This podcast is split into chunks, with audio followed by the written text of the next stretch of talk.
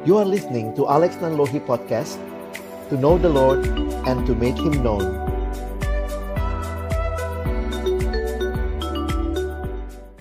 Bang Alex, kami persilakan.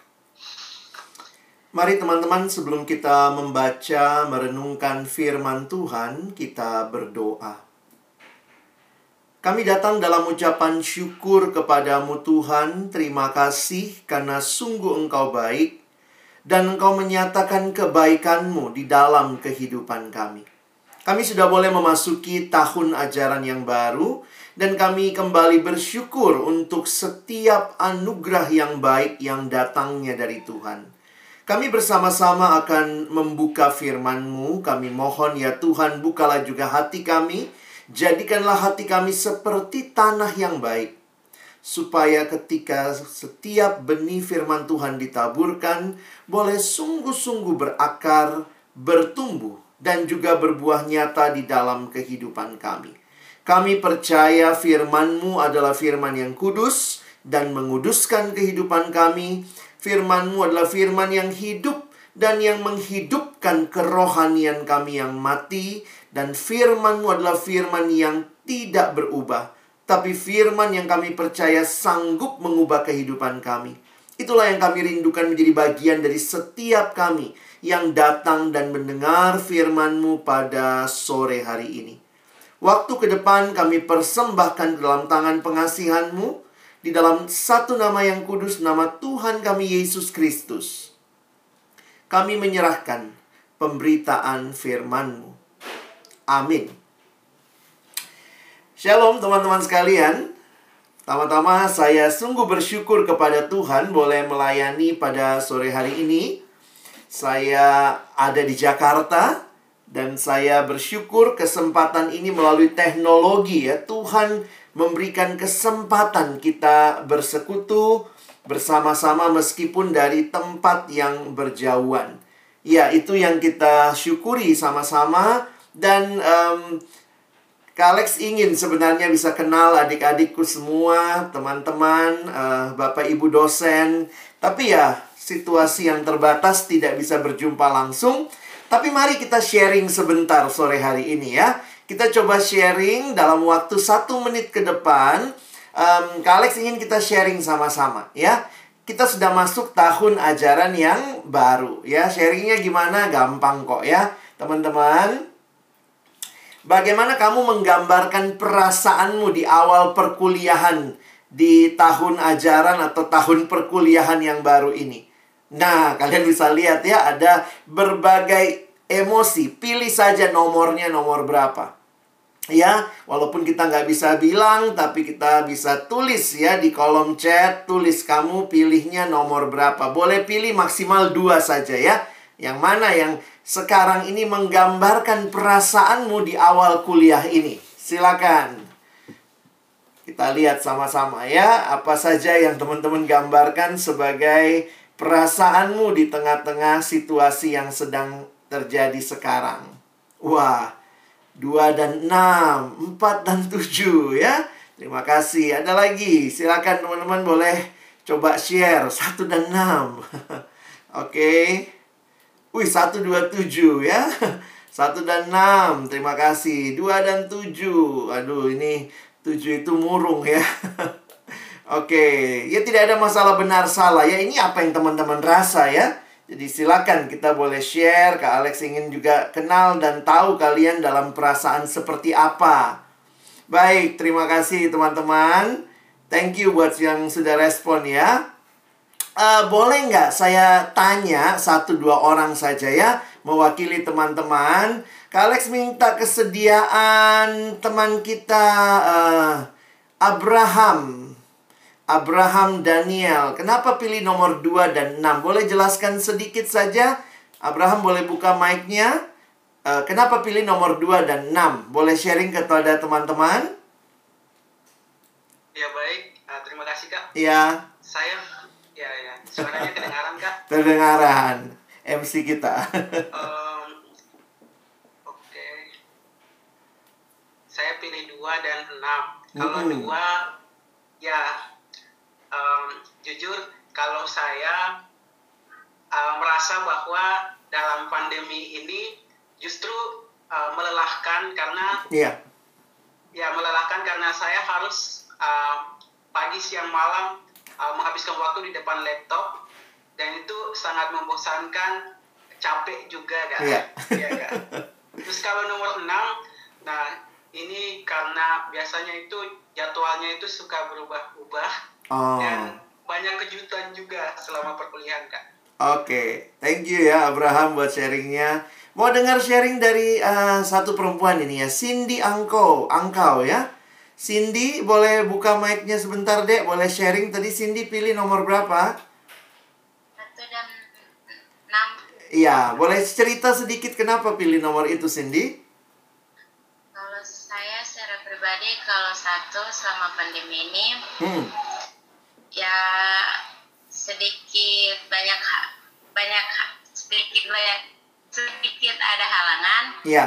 tapi saya senang saja karena lewat ini juga kita tidak bisa memaksa keadaan kalau mau harus kuliah secara offline jadi Hmm, ya enjoy saja dalam mengikuti perkuliahan.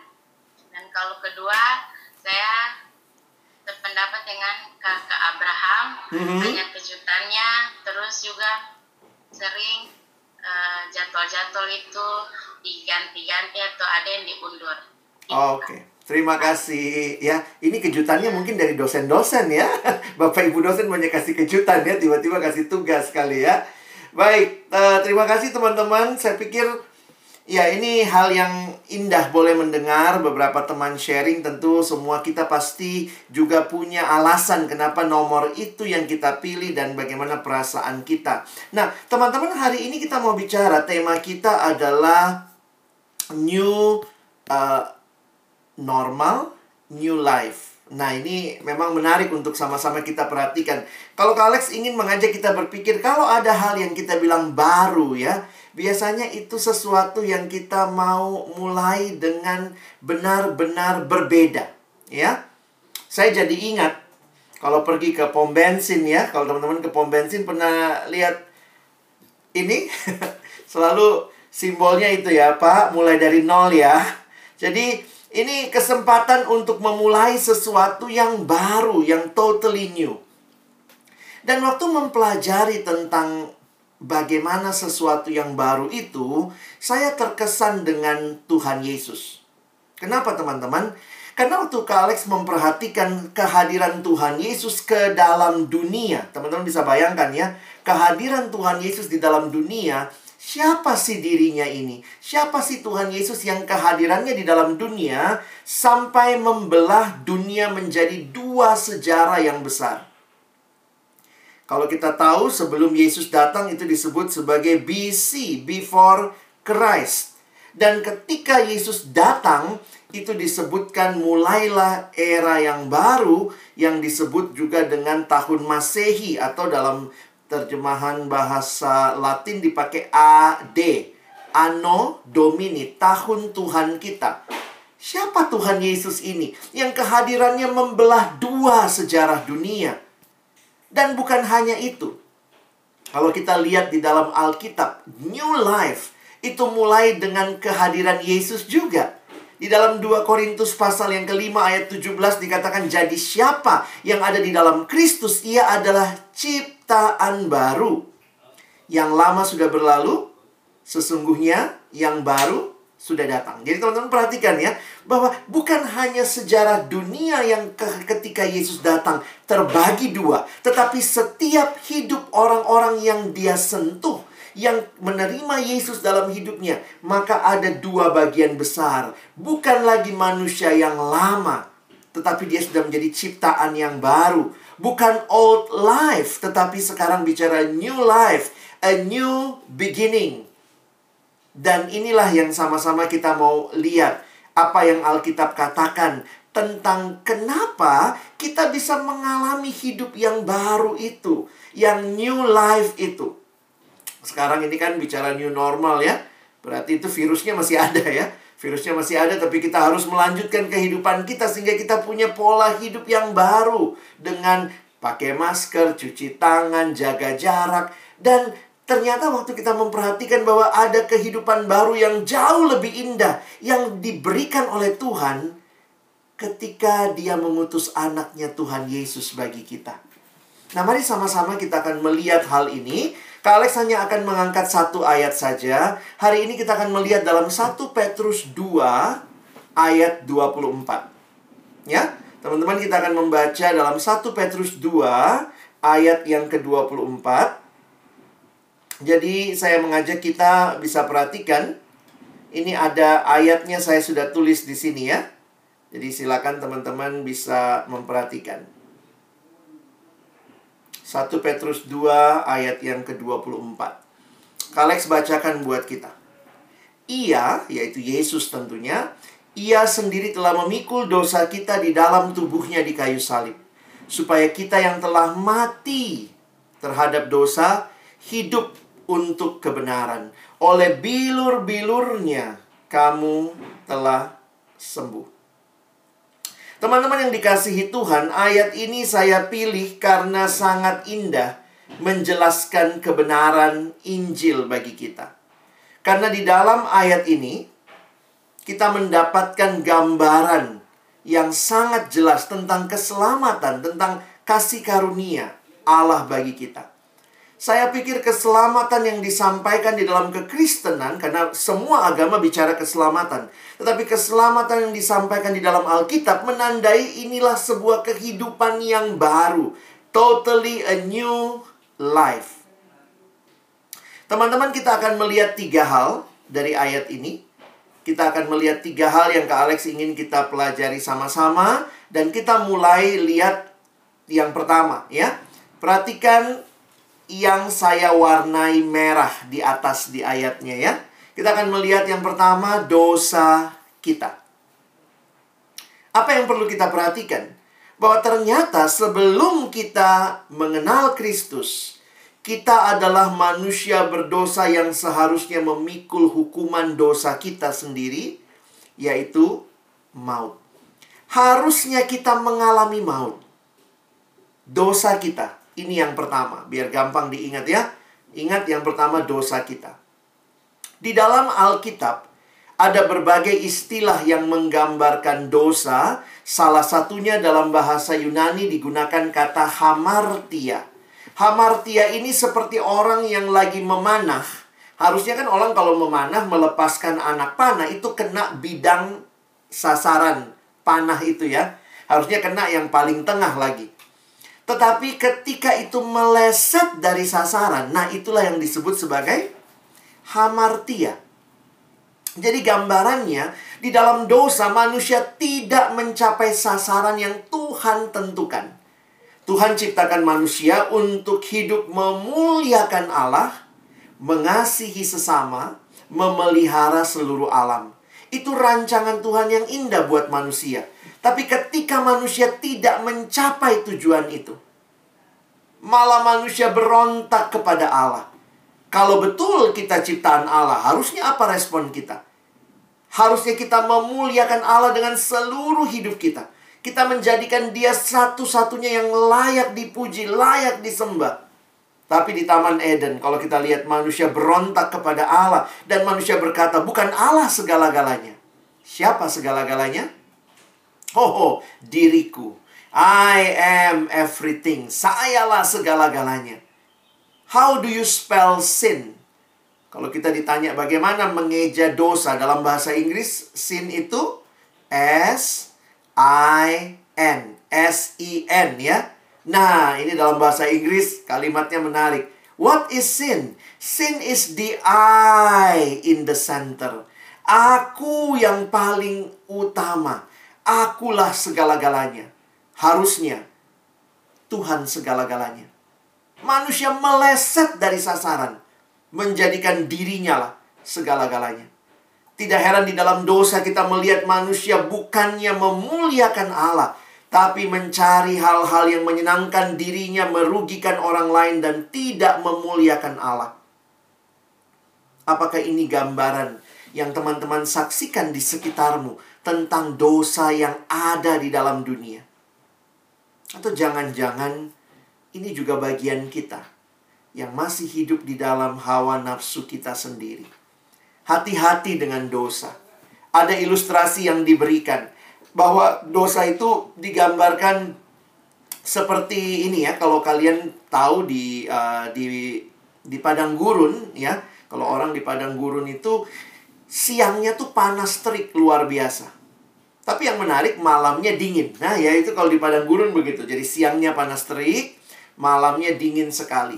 Sehingga biasanya kalau ada orang yang lagi jalan di padang gurun, siang hari dia jalan tapi malam hari dia berhenti biasanya ya dan bikin kemah.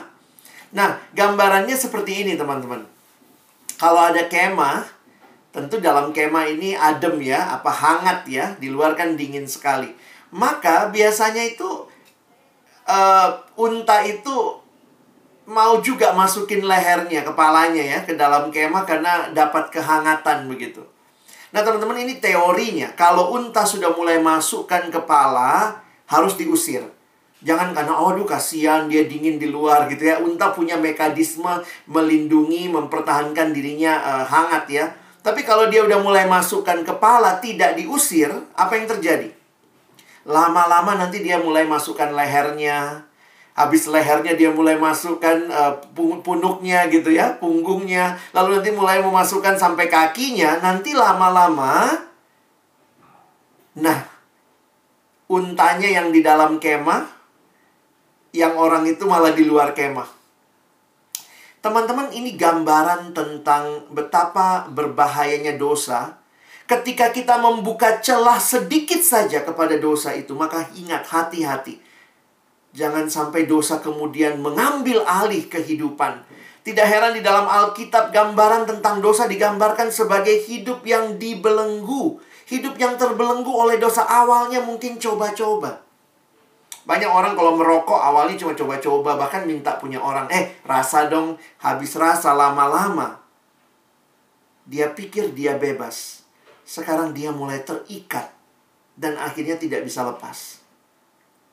Ada anak yang pernah saya layani dia bilang ya e, iya kak susah lepasnya gitu. Saya bilang ya udah kau coba tinggalkan rokok. Susah kak. Habis makan tuh asem kalau nggak ngerokok saya bilang ya ini ini gambaran bahwa kemudian bukan lagi kamu beli rokok tapi kamu dibeli sama rokok itu dan ini bukan hanya itu teman-teman begitu banyak hal di dalam dosa itu sifatnya membelenggu kita membuat kita makin sulit keluar dari dalamnya. Kita tahu tidak benar. Kita tahu tidak seharusnya. Sehingga tidak heran banyak orang-orang yang dibelenggu baik oleh narkoba, dibelenggu oleh judi, dibelenggu oleh minuman. Ya, saya juga orang Indonesia Timur ya. Papa saya Ambon, mama saya Manado, saya lahir besar di Makassar. Saya tahu itu ya, saya tahu lah bagaimana orang-orang timur ini begitu biasa sama minuman dan segala macam. Kadang-kadang kita berpikir menarik ya, kita ini suku-suku yang ngakunya kenal Yesus. Wah, Tuhan Yesus itu. Tapi ternyata kita juga yang paling mempermalukan Tuhan Yesus dengan sikap-sikap hidup yang tidak benar. Gereja ada di mana-mana. Di setiap sudut ada gereja. Tapi juga ada rumah judi di mana-mana. Ada orang mabok kita ketemu di mana-mana. Inikah hidup yang baru? Gereja cuma simbol. Gereja cuma salibnya saja yang terlihat tinggi sekali. Tapi moralitas orang-orang yang masuk ke dalamnya kalau tidak dibaharui justru sangat rendah. Malu dengan salib yang tinggi. Tapi hidup yang sangat jauh dari hidup yang benar. Teman-teman, dosa membelenggu. Jangan main-main dengan dosa. Mungkin kau awalnya mulai coba-coba, coba-coba, lama-lama kau ter, ter, terikat dengan dosa. Kalau perhatikan di Alkitab, Paulus menggunakan istilah yang dipersonifikasi. Paulus menggambarkan dosa itu seperti person, seperti seseorang. Makanya Paulus mengatakan dosa itu memperbudak. Paulus membayangkan dosa seperti tuan yang sedang memperbudak kita. Nah mungkin teman-teman juga bilang, oh sorry kak, saya sudah ikut persekutuan, saya rajin ke gereja, saya nggak diikat sama hal-hal seperti ini. Ya puji Tuhan ya, kalau kamu tidak terikat hal-hal seperti ini. Tapi juga saya harus katakan, ada hal-hal baik yang ketika itu berlebihan itu juga mengikat kita. Kalau ini kan jelas-jelas hal tidak baik ya. Ya, minum, rokok, judi gitu ya, itu jelas-jelas hal tidak baik. Tapi juga ada loh hal-hal yang baik. Kalau kita tidak baik-baik menggunakannya, maka itu kemudian bisa mengikat kita. Contoh saja ya. Kita punya HP kan? Wih, semua pasti punya HP. Kalau enggak gimana ikut Zoom meeting hari ini? Tapi jangan-jangan kita juga dibelenggu oleh HP ini. Katanya ini smartphone. Tapi banyak kali orang yang pakai tidak smart ya. Have a smartphone but not smart. Dengan HP yang canggih yang kita miliki, yang bisa kita lakukan. Tapi juga dengan HP yang sama kita bisa jatuh dalam dosa. Kita buka pornografi di situ, kita simpan hal-hal yang tidak berkenan kepada Tuhan. Pakainya apa? HP. Dan kalau ini yang jadi pergumulan kita, Bukan itu yang Tuhan mau. Sekarang juga banyak yang dibelenggu sama ini hal-hal baik ya. Belanja itu baik ya. Kita kan butuh belanja ya, apalagi kalau situasi begini katanya banyak orang yang belanja online. Tapi juga banyak orang yang terbelenggu oleh belanja, bukan cuma belanja tapi kecanduan. Susah membedakan ya. Ini generasi yang katanya susah membedakan mana keinginan, mana kebutuhan. Ya. Kadang-kadang kalau beli barang kenapa beli? Butuh belum tentu butuh. Beberapa kali ada anak yang beli barang, saya bilang, kenapa beli itu? Lucu, Kak, lucu. Hah? Beli barang karena lucu. Habis kau beli, kau tertawa terus. Ketawa gitu ya. Tapi itulah, ketika akhirnya kita tidak bisa menggunakan dengan baik apa yang Tuhan berikan, dan bahkan belanja menjadi kecanduan begitu rupa. Tentu sekali lagi tidak salah belanja. Tidak salah punya HP. Tapi ketika itu membelenggu kita, hati-hati bukan kita yang harusnya dibelenggu oleh teknologi itu. Harusnya kita yang jadi tuan atas teknologi itu. Nah, ini belum lagi nih ya. Sekarang ya. drakor, drakor ya. drama Korea. Ini di mana-mana ini. Se-Indonesia juga, sedunia bahkan ya. Saya pikir bagus ya drama-drama Korea. Banyak yang indah, ceritanya menarik. Tapi juga hati-hati kalau kita akhirnya bukan cuma penonton. Yang terjadi kita adalah pecandu. Beda teman-teman nonton sama kecanduan itu beda sekali. Dan banyak hal yang ditawarkan dan kalau kita tidak hati-hati ya saya saya bukannya melarang menonton tetapi mari bijaksana supaya kita tidak terperangkap bukannya kita menjadi tuan tapi bisa jadi kita yang diperbudak.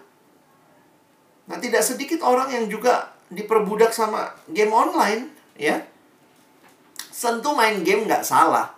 Tapi kalau kemudian game itu mem membuat kita jadi tidak punya waktu, tidak bisa melakukan apa yang jadi tanggung jawab kita, ini juga kan sama seperti yang tadi. Hamartia, meleset dari sasaran. Disuruh makan nggak makan, tapi sibuk dengan game begitu ya. Sekarang banyak lagi yang baru tuh Among Us ya, saya nggak tahu juga belum ikut main ya. Mau jadi impostor katanya, imposter semua.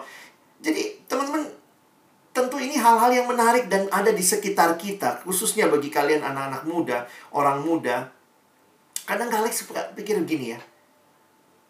Baca Alkitab baru dua menit sudah ngantuk. Aduh, kalau nonton satu malam bisa dua tiga seri jadi gitu ya. Atau asal pergi kampus lihat internet cepat sedikit, mulai download lagi gitu ya.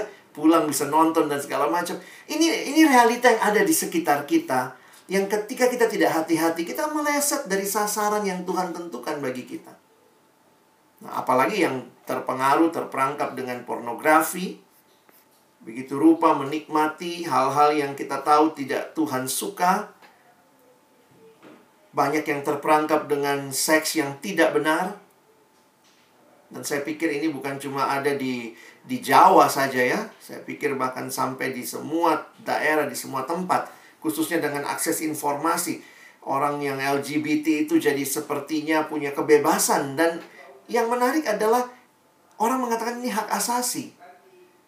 Saya tetap melihat kita mengasihi orangnya, tapi tentu sebagai gereja Tuhan kita harus punya sikap terhadap LGBT. Seks yang tidak kudus, seks di luar nikah, free sex. Oh, banyak suku-suku yang mengaku Kristen, kenal Tuhan Yesus, tapi tidak punya hidup moralitas dalam seksual yang benar. Ini mengerikan. Ini ada di sekitar kita betapa mengerikannya dosa. Dosa itu menyusup perlahan-lahan. Kita berontak kepada Allah secara sadar. Dan sangat perlahan. Terjadinya memang pelan-pelan. Sehingga kita tidak mengenali dampaknya yang menghancurkan.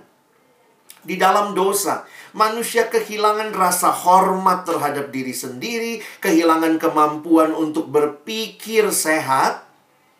Siapa sih yang nggak tahu merokok itu merusak kesehatan? Udah jelas di bungkus rokoknya juga tertulis, survei kesehatan juga menyatakan. Tapi orang sulit berpikir itu tidak benar. Dosa membuat kita kesulitan, kehilangan kemampuan untuk berpikir sehat.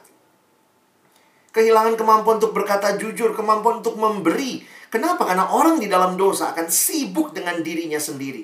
Boro-boro memberi kepada orang lain. Dia akan sibuk dengan dirinya, dirinya, dan dirinya kehilangan kemampuan untuk mengasihi, kehilangan kemampuan untuk hidup kudus. Lihat lawan jenis karena sering nonton pornografi maka tidak usah walaupun dia pakai baju lengkap kau sudah telanjangi dia di pikiranmu. Dan Yesus berkata waktu engkau sudah mengingini di pikiranmu saja engkau sudah berzinah dengan dia. Tuhan Yesus kasih standar yang tinggi. Kenapa? Karena dia tahu kita tidak diciptakan untuk hidup dalam standar yang serendah itu mempermainkan hidup dalam kekudusan. Tuhan mau kita hidup dalam kebenaran. Tidak heran, dosa membawa manusia dalam ketidakpastian, rasa bersalah, kekosongan, frustasi, terikat. Seperti beban yang dipikul begitu rupa. Karena itu Alkitab berkata, upah dosa adalah maut. Roma 6 ayat 23a. Teman-teman lihatlah yang begitu menyenangkan ini. Pelan-pelan masuk, tapi lama-lama mengikat kita dan akhirnya mendatangkan maut. Inilah yang dosa bawa. Dosa tidak membawa apa-apa.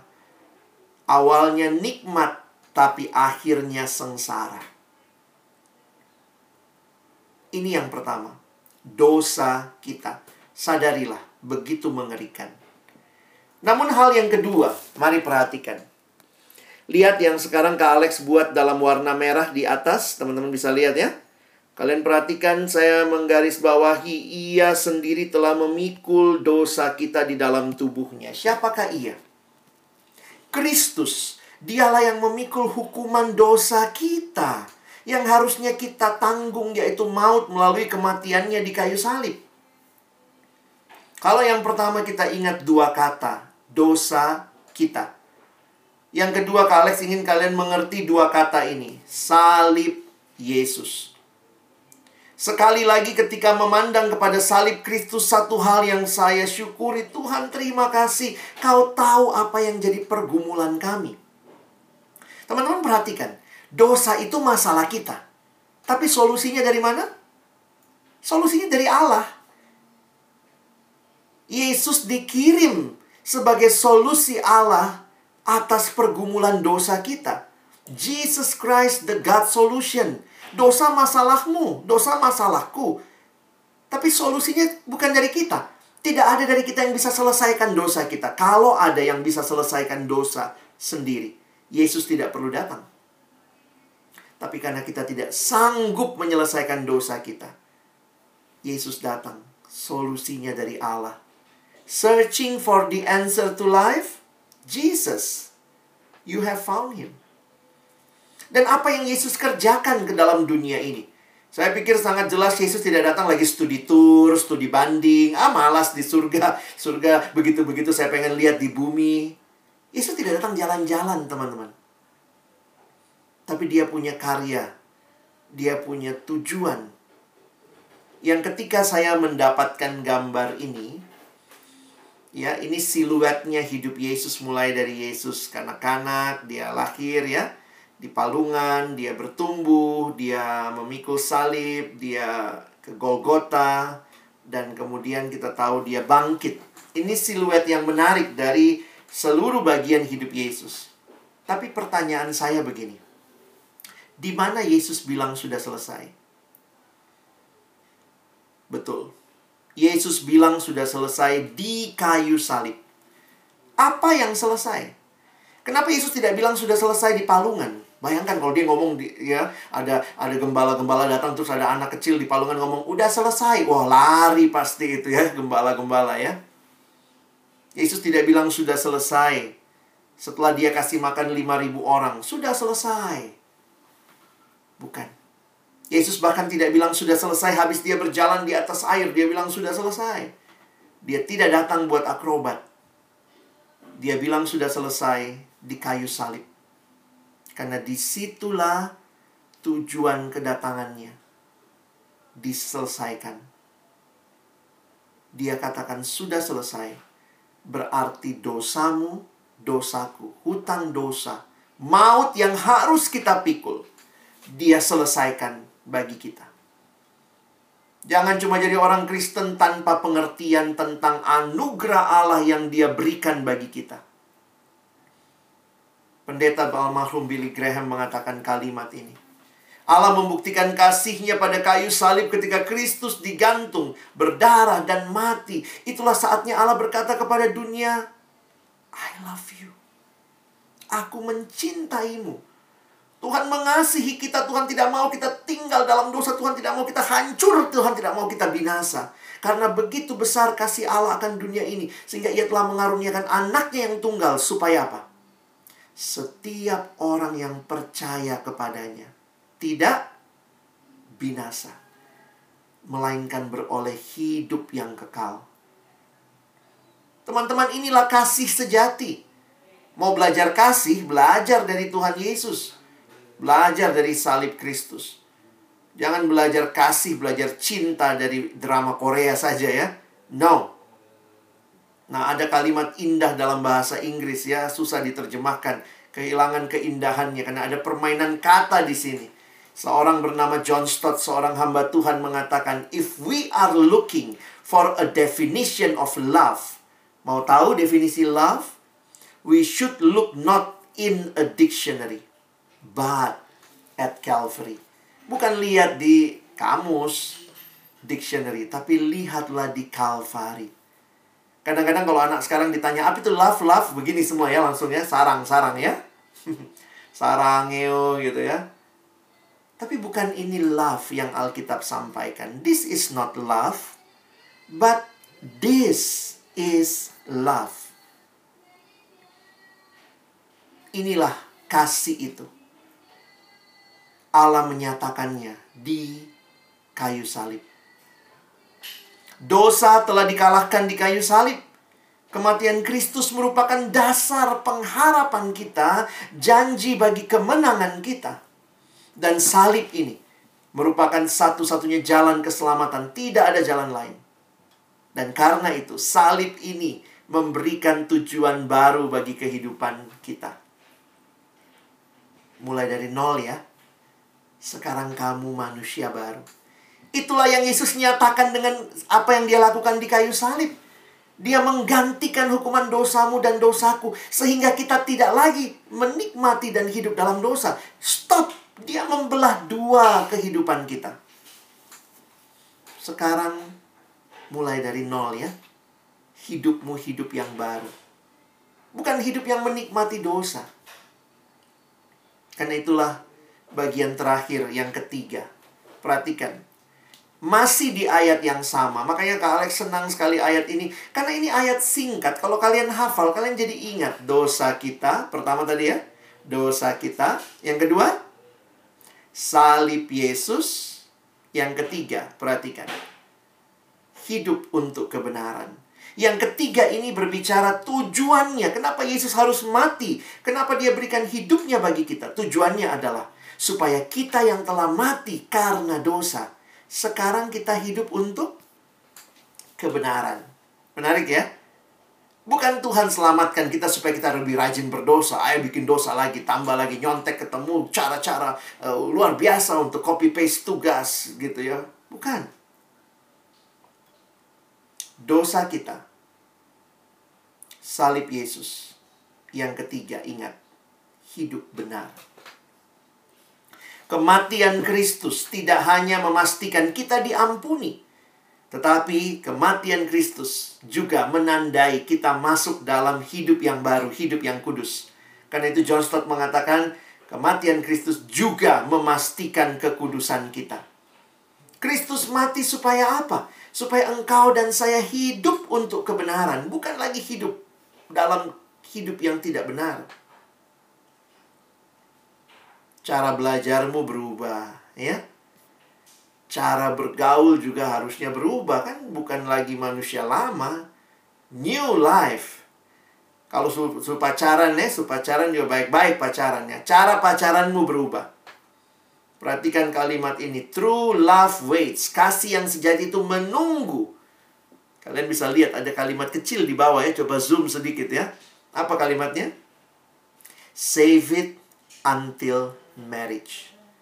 Bukan seks yang dinikmati di luar pernikahan. Tapi cinta yang sejati itu menunggu sampai pernikahan.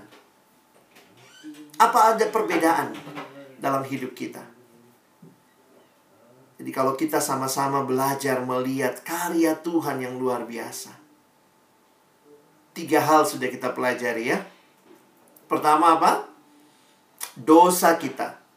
Dosa kita begitu mengerikan membawa maut. Tapi yang kedua, salib Yesus membawa kita dalam hidup yang baru. Dan tidak berhenti sampai di situ.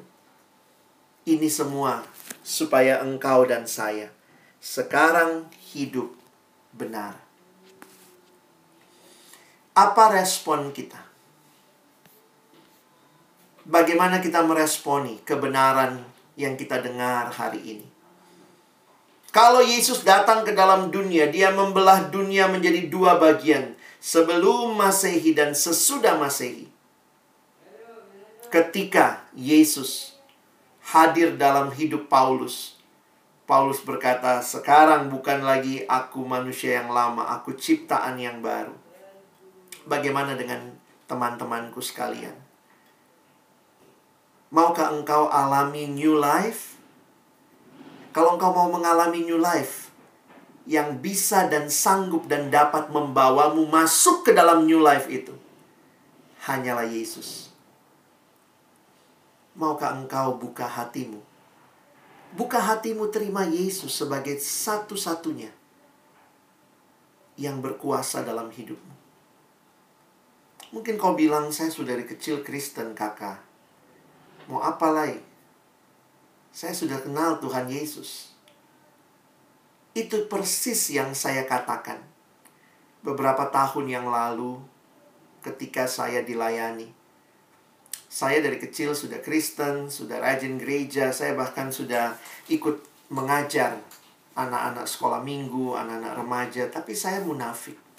Saya tahu saya belum sungguh-sungguh alami apa artinya saya terima Yesus. Kelas 1 SMA melalui pelayanan perkantas di Makassar. Tuhan jamah hati saya. Pada waktu itu saya jadi sadar. Saya Kristen, tapi saya Kristen KTP Kristen tanpa pertobatan. Kristen KTP, Kristen tanpa perubahan.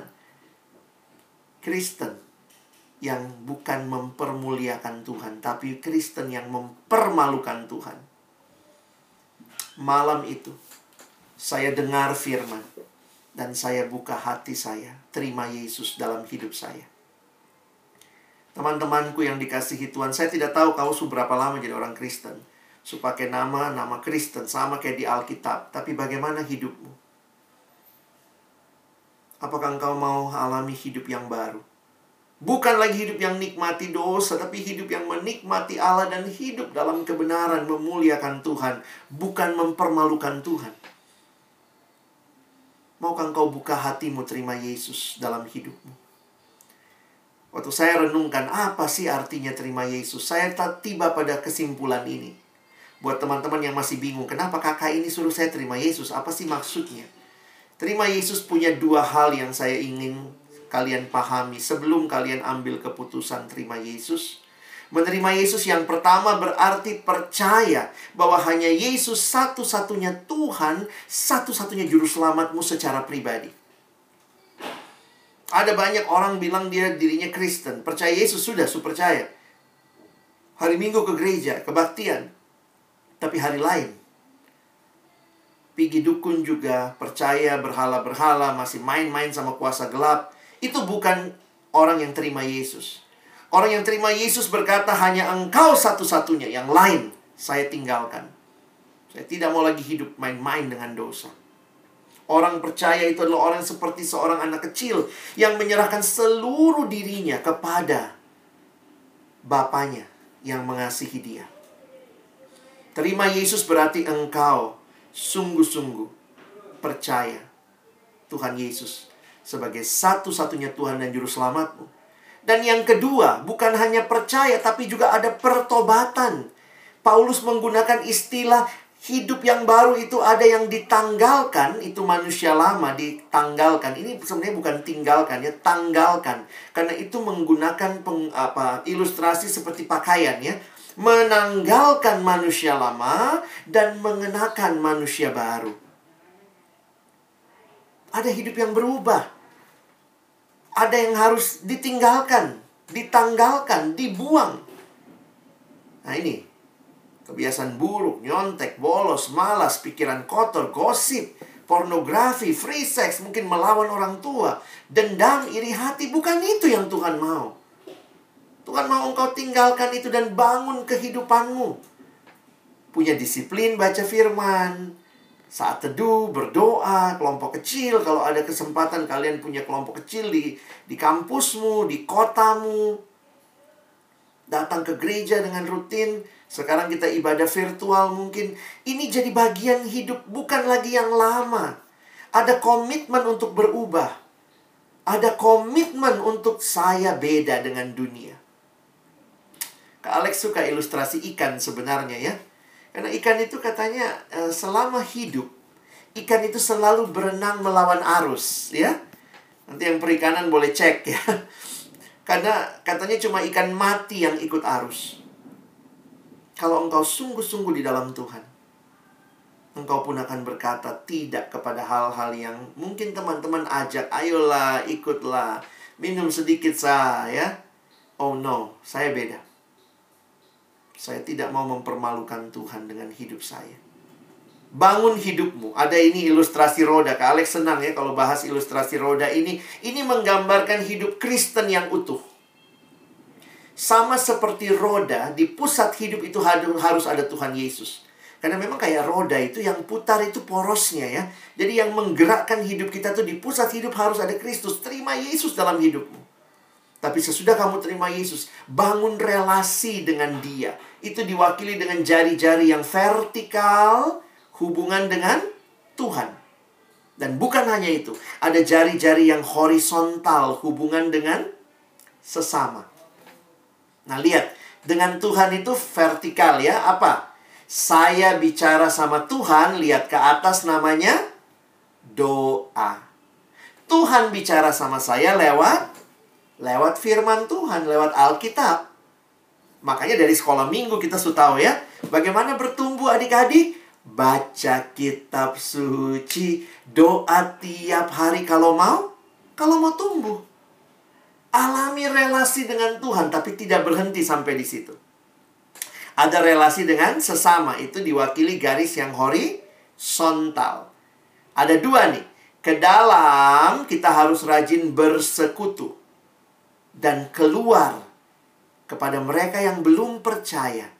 Kita hadir dan bersaksi. Jadi sebenarnya harusnya lengkapnya begitu ya. Bukan cuma vertikal, tapi juga horizontal jadi kalau Kak Alex bikin lagu baru harusnya jadi begini ya. Baca kitab suci, doa tiap hari, rajin bersekutu, dan giat bersaksi. Wah, jadi itu lengkap. Tapi saya tidak tahu ya, kalian bikin lagu baru saja. Di sinilah kesempatan kamu dan saya juga bertumbuh, teman-temanku. Ya, ini bagian yang terakhir yang Kak Alex ingin sampaikan. Apakah engkau rindu setelah kenal Tuhan Yesus dalam persekutuan orang percaya? Tentu kau punya gereja, ada persekutuan mahasiswa Kristen di kampusmu, di kotamu, ada kebaktian rutin yang diadakan, ada ibadah yang dilakukan, ada kelompok-kelompok pemuri dan maukah engkau terlibat?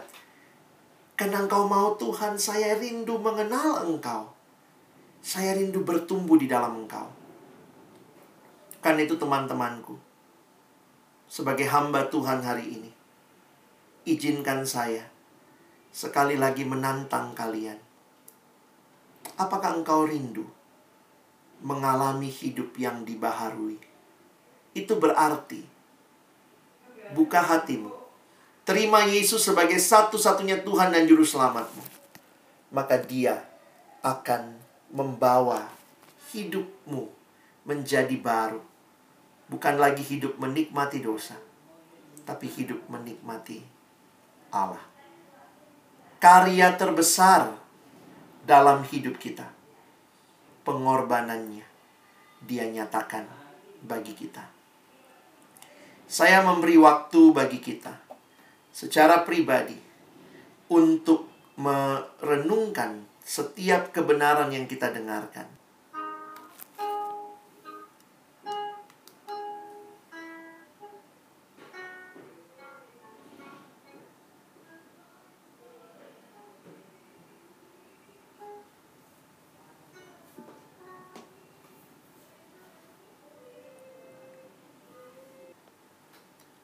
Waktu kita semua di hadapan Tuhan, membawa seluruh hidup kita.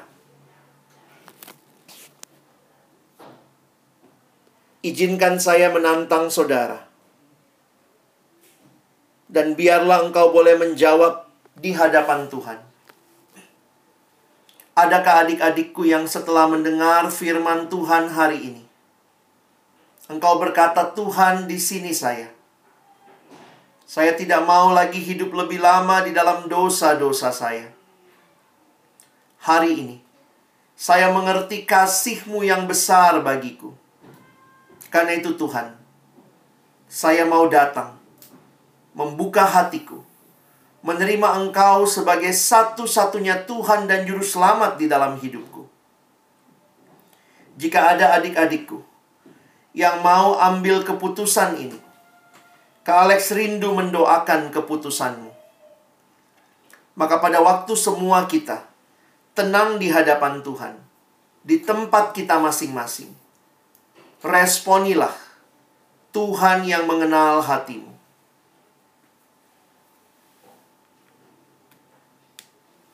Jika ada adik-adikku yang mau menerima Yesus, saya minta dengan hormat taruh tangan kananmu di dadamu. Dan Kak Alex akan memimpin dalam doa.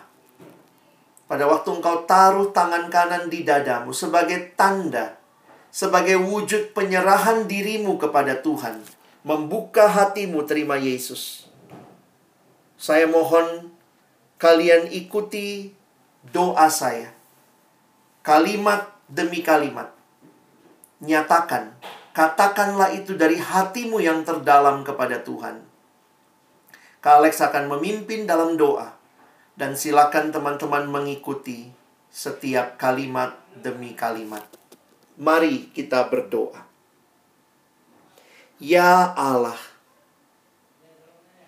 aku tahu aku adalah seorang yang berdosa Aku ingin berbalik dari dosa-dosaku dan memohon pengampunanmu, ya Allah. Aku percaya Yesus telah mati untuk dosa-dosaku. Aku percaya Yesus sudah bangkit dari kematian Aku percaya bahwa hanya di dalam Yesus aku memiliki hidup yang kekal. Hari ini aku membuka hatiku untuk menerima Yesus sebagai satu-satunya Tuhan dan Juru Selamatku secara pribadi.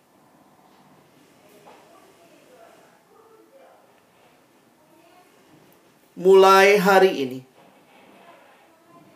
Aku mau hidup untuk kebenaran. Mulai hari ini, aku menyerahkan kendali hidupku sepenuhnya kepada Yesus. Inilah doaku, ya Allah. Di dalam nama Tuhan Yesus, aku berdoa. Amin. Dan bagi teman-temanku, mungkin kalian ada yang sudah pernah terima Yesus dalam hidupmu.